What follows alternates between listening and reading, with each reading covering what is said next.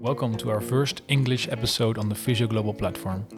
In this podcast, in collaboration with the Erasmus Medical Center in the Netherlands, we will be hearing from orthopedic surgeon Dr. Duncan Meuffels. He will be giving us a presentation on knee luxations.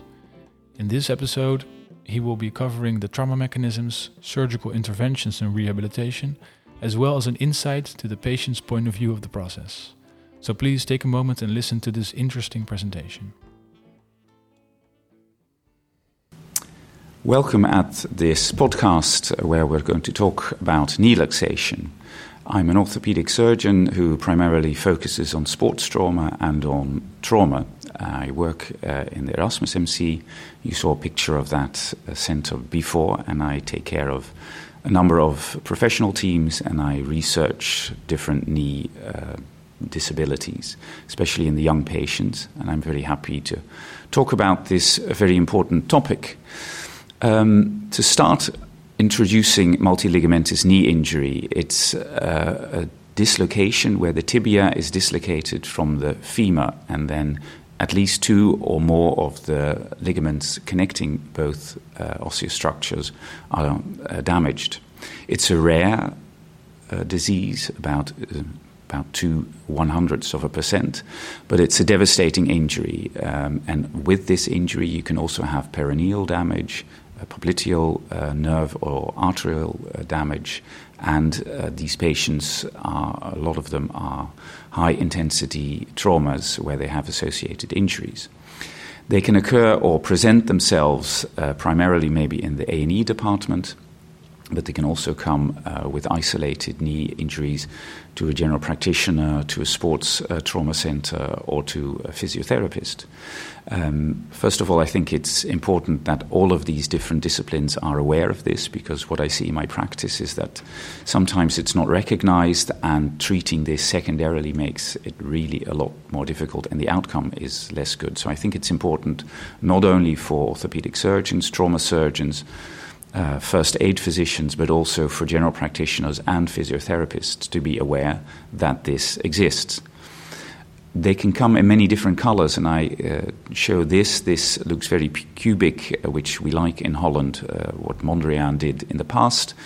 Uh, but it's a Venn diagram where we uh, can add different kinds of injuries. And what you can see, for instance, in the red bracket, where the ACL injury uh, has been uh, put down, if you can combine this with the green, which is the PCL, you can see how many different combinations are possible. And I think it's important to be aware that uh, a knee dislocation can have m- many different forms and shapes, and you have to treat it accordingly.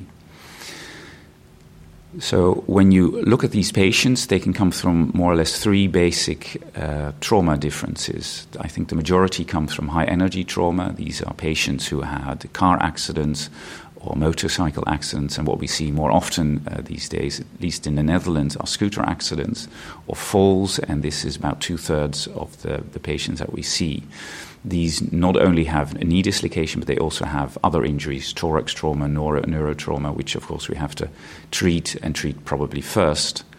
Uh, secondary, we see sports related trauma where it can be different kinds of injury patterns, hyperextension, hyperflexion, in valgus or in varus. And something that I think we see more often but it's difficult to compare because we don't have numbers from the past, are low velocity um, accidents, and then especially in the morbid obese patients. We see about six, seven, eight of these a year, uh, which are a difficult group to, to treat because of the uh, extra uh, comorbidity.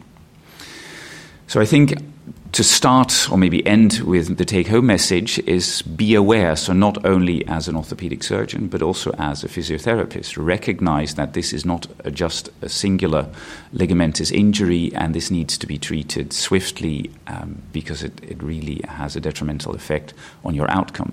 So, be knowledgeable, treat accordingly. Uh, and this is not just a rupture. I think this is much more for the patient. It's a life changing event. So try to, to be aware of that. I'm really happy that many of the hospitals um, around us in the Netherlands are aware of that, and we're trying to centralize this care. And these are uh, an example of the other hospitals that have referred patients to us, and we have then treated these patients uh, conjointly. So thank you very much for, for centralizing this. How do these patients uh, come in? In the, we are a tertiary center for academic care. Uh, through WhatsApp, I get an X-ray, and then the uh, treating physician there says, "Oh, um, this is not a normal X-ray. Help!" Uh, and I'm really happy that we are able to help for this. It's not only the X-ray; there's also a patient which is around uh, that knee, and sometimes the shape of the knee, especially what I mentioned before, the morbid obese patient, or the multi trauma patients, you're distracted, you don't look at the knee, you don't recognize it. It's sometimes difficult to recognize even that the, the knee joint is dislocated. But be aware if a patient has, uh, uh, if they are um, uh, conscious, and they can tell about the pain they are feeling, and it's a very painful injury. But even then, it's sometimes missed. So be suspicious. Be suspicious of this multiligamentous knee injury. If a knee hyperextends more than the other knee, be aware. If you see an ecchymosis or a bleeding uh, on the lateral side or on the medial side, be aware. If maybe the patient has a cold foot or uh, you see that uh, you can't feel the popliteal artery normally through the dorsal pedal artery, think about vascular insufficiency and think where did this come from. If they have difficulty with peroneus um, uh, strength, think about uh, what is more proximal. Um, if there is diffuse tenderness and you are unaware what could be the cause of this, think about capsular disruption and think about a multiligamentous knee injury. And think about an obese patient even with a low fall or just stepping off the curb or doing something like that. So be aware. Because if you're not aware, sometimes it ends in about 15 to 20 percent of the people with vascular injury. It ends in an upper leg amputation. Um, this is a disastrous outcome for a, a, an injury that we could have treated properly. And it's not only the short term outcome that is important, it's also the long term outcome. If you look at the increased risk for osteoarthritis for this patient population. Sometimes you see it happen. Um, if you look at professional football, for instance, uh, even there it happens. You see this player who uh, last season um, got a push and has a, a, distortion of his right knee. You see from the side and the yell that the patient has that there is probably a patella dislocation, but there's more than just that. So when you go to the patient, you examine the patient. Uh, this was in COVID time, so there were no spectators, which made it even more of a bigger impact. Hearing the scream of agony of this patient, you can examine the patient. You can uh, then, after examination, I already felt that there was uh, a medial collateral ligament injury, there was ACL injury. You try to stabilize it, uh, reposition it, and then treat it after that. And this is something, if you're aware of that, in this first instance, you can already notice this, and uh, you already know that you have to do more than just uh, uh, reposition the kneecap. This patient then goes through a whole yeah, cascade of uh, steps. And this is um, a poster that we've made where you can see the patient in the green area where they start off in a journey. They, they go through time where they've had an injury, and the green uh, path shows that uh, they talk to the people around them, they get information.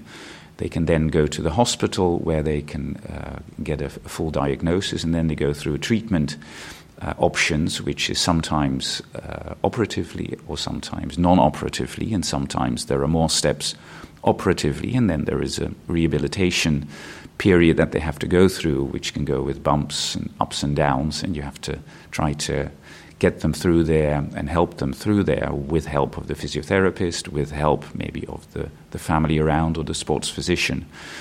Uh, what we do is based on what you see below, on the societal uh, knowledge that we have. We gain that through research, and with this knowledge, we try to uh, sort of put this together for this individual patient. And uh, to do this well, you need to know what the anatomy is, and that is the yellow line that you see above there. So, this is a path you go through. And this is a path that we need a lot of assistance with. So, if there is vascular injury, we need a vascular surgeon.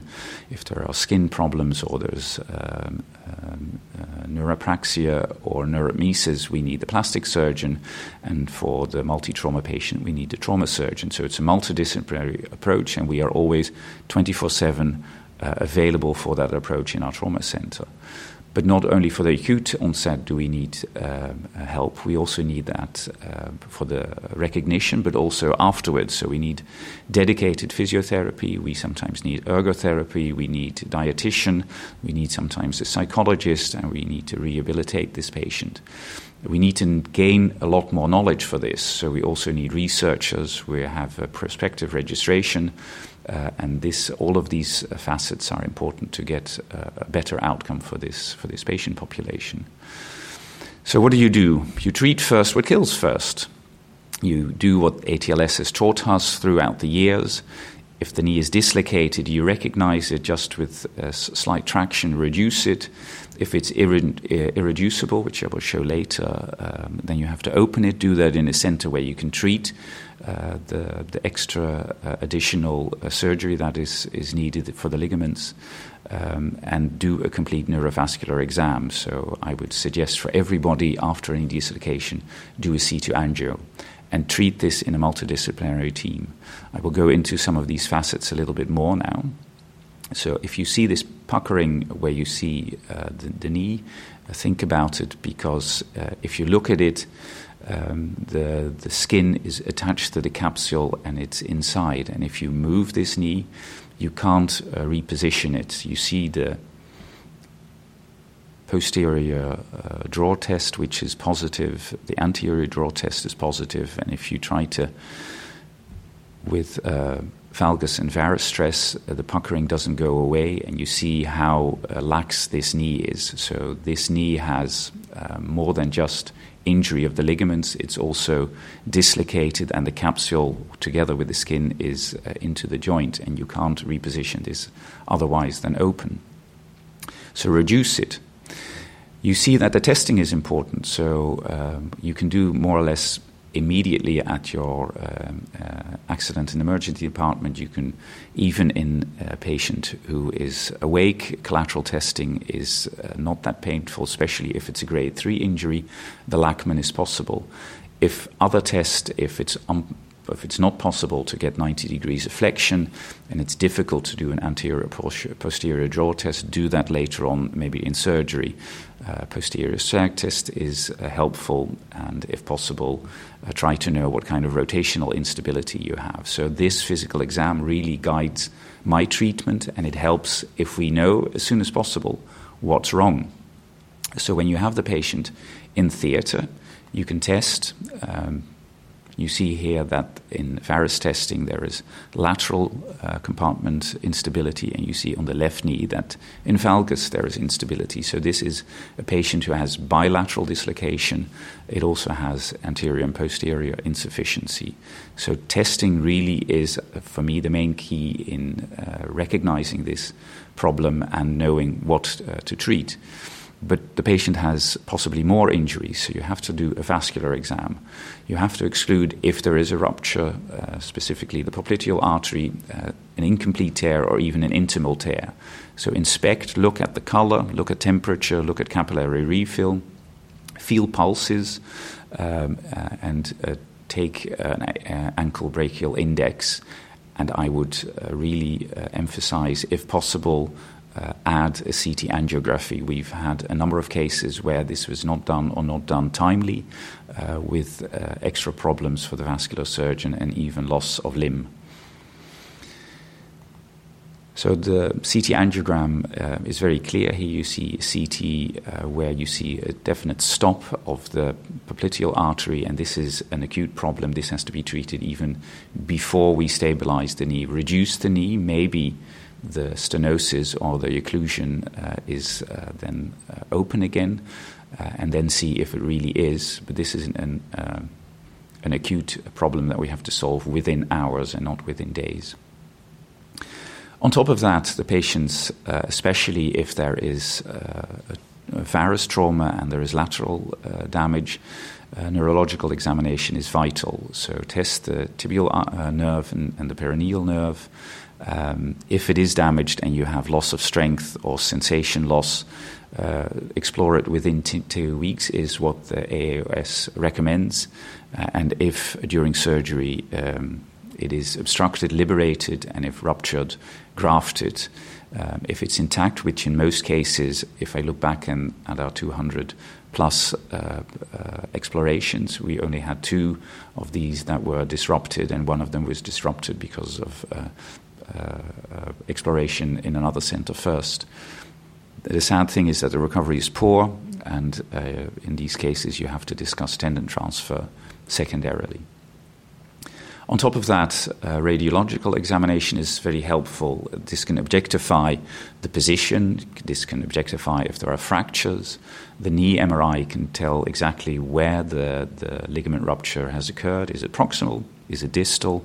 This helps in planning your, uh, your surgical uh, uh further treatment, and the CTA as mentioned. In chronic cases, it's helpful to know what alignment is, so a long leg axis is helpful and sometimes you are unclear is it more anterior, posterior, or medial or lateral because you don't exactly know where the, the middle point is anymore, and then uh, stress testing is helpful. Okay, to show that in, in a case, um, an x ray of a patient who came in. On the left, you see that the, the tibia is not really positioned really uh, yeah, in line with the femur. On the right side, you don't really see that it's dislocated. You see two extracortical fixations because this patient has had this patient had uh, ACL reconstruction in the past. Um, it's in place, but it's unstable. It was uh, put in a plaster cast. An MRI was performed, and then you see on the MRI that there is a, a dark structure which comes from the tibia, uh, which is uh, it could be, for instance, the medial collateral ligament, but in this case, it was the hamstring, and it was one of these uh, patients who had puckering and in that way dislocated a condyle through the capsule uh, next to the hamstrings, and you have to uh, reposition it.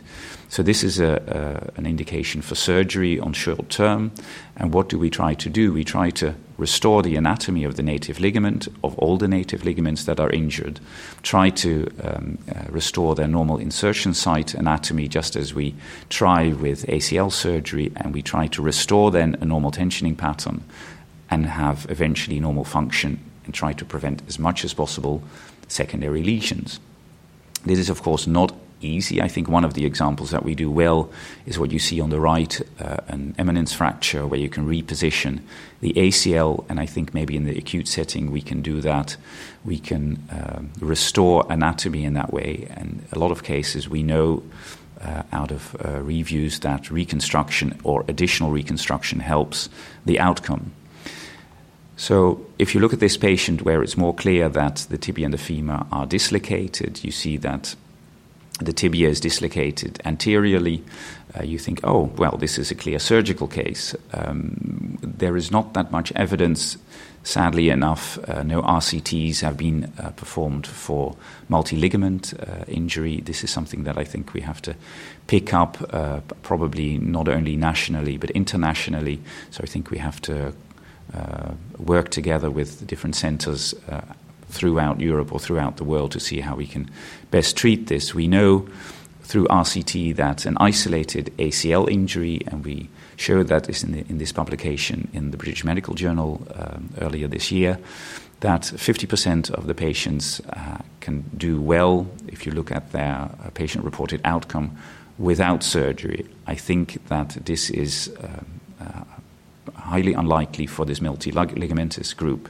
So this is true for an isolated injury, but for a multiligamentous injury, uh, I think we have to be a lot more uh, active and uh, probably invasive to deal with this. Um, invasiveness can have different shapes and forms, as I showed before. And I think one of the uh, things that you have to do first, and if you treat them in another center, is that you have to make sure that the vascular status is, is perfect and that it, uh, it stays um, uh, in position. So, this is a patient that was um, operated on for the arterial uh, insufficiency in another hospital. The knee was unstable. They performed um, uh, stabilization through this external fixator, which I think at that time uh, was the best treatment, but it really makes the secondary treatment a lot more difficult. It makes it a lot more difficult because um, sometimes these external fixators are not compatible for MRI imaging, so you're unclear where the, the exact injury is, uh, and it's difficult or impossible to test. Uh, you have to uh, uh turn down the external fixator before you can really test this knee. And where the pins are placed, it sometimes makes reconstruction more difficult because you can have pin tract infections.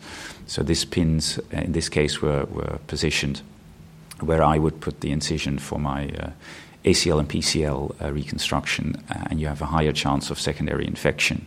So I would treat this in two stage: take off the external fixator, treat the collateral ligaments, and then uh, go on. There are a lot of different ways of treating um, all of these injuries, and if you look at a different surgical technique, and this is from a review that was performed just for lateral uh, ligament injuries, you see there are lots of different uh, techniques um, with uh, yeah, different uh, reconstruction patterns, uh, and I think you need to be aware of what is possible and uh, what you are capable of and what you have experience with. So you can go sometimes for more uh, simple reconstructions where you just do uh, a, a, sling technique like this Larson or Arciero technique, where you use a graft to reconstruct a lateral collateral ligament. Uh, I think this is for isolated injury laterally a good uh, thing. And if you have a lot of damage, or maybe you can regenerate or reinsert uh, your lateral collateral ligament, this is uh, a really good uh, technique. And sometimes you need to uh, take care of rotational in, injury more, and then you have to add maybe the techniques that Laprade has shown us, where you uh, reconstruct a popliteal tendon uh, and make it more or less a popliteal ligament. So it's really important to be aware of different techniques, and it's really important to be aware of uh, personal uh, shape. We know that uh, uh people are different in shape, in size, um, and we see that uh, in the anatomy, especially in this acute setting, you really see that there's a different, there is not uh, a standard uh, setting. We have been trying to find out more about that, and this is uh, a CT image where we've marked in this patient where the lateral collateral ligament insertion on the femur is. You can see where the popliteus tendon inserts, uh, and we are really uh, yeah, looking at individual differences. we can add all of this data, and we've done that in our research project on uh, a statistical shape model where you've generalized the shape and then you can pinpoint exactly where all of these different insertion sites are. And through this, uh, you can learn more about the variance that there is and also know what are your important uh, landmarks for this. So, this helps me in my reconstruction, and we are much more aware now of uh, variance and uh, what are key points to, to reconstruct and to exactly uh, reconstruct anatomy again. I would like to end this presentation with uh, a case. Uh, this was sent to me, uh, this image was sent to me th- through WhatsApp, and this was a CT that was made from a patient who had a scooter accident uh, the CT angiography was made, and what you can see is that there is a dislocation of the tibia versus the femur. You can see that the patella is uh, fractured, it's very um, uh, comminuted. And uh, if you look from the back, you can see, thankfully, that the artery is intact, but you can even see some osseous fragments posteriorly. So some of the patella fragments were dislocated. And if you look further at this, on uh, MRI imaging, you can also see the dislocation of the femoral condyles. You can see that the tibia cannot uh, go back to its normal position distal of the femur. And if you test uh, this knee, you notice there, you notice there is a gross uh, posterior instability. Normally, we grade this from zero to three, but because the extension uh, deficit, because of the patella fracture, I think this is probably a grade uh, four. Uh, we can stabilize this. This was an open procedure because we had to also uh, stabilize the patella fracture. And after you've done that, you have uh, immediate uh, satisfaction that you see that the instability um, is gone. Uh, of course, the, the main thing is now it has to heal, it has to rehabilitate, and now the, the real hard work starts for the multidisciplinary group, but also for the patient. So I would like to end by reassuring us that we have to be aware, we have to recognize, and we have to know why we need to know all of these things because we have to treat accordingly. And it's not just a rupture, it's a life changing event. So I think it's rare, it's a devastating injury. It's maybe not as rare as we believe because I think they are quite often missed, um, and we should uh, treat them with uh, experienced team, and we need to learn so much more about this. So, centralizing is a good option, um, and contemplate referral if you have problems for this. We have started um, for that uh, not only in our uh, trauma center, that, but we are working together with uh, a rehab center, and uh, we have a center for complex knee instability. So you can look at our website later to uh, to get more information. So thank you very much, and I would uh, hope that you've enjoyed the podcast, and uh, I think it's wonderful that you've been listening. Thank you. Thank you for listening to this episode in collaboration with the Erasmus Medical Center.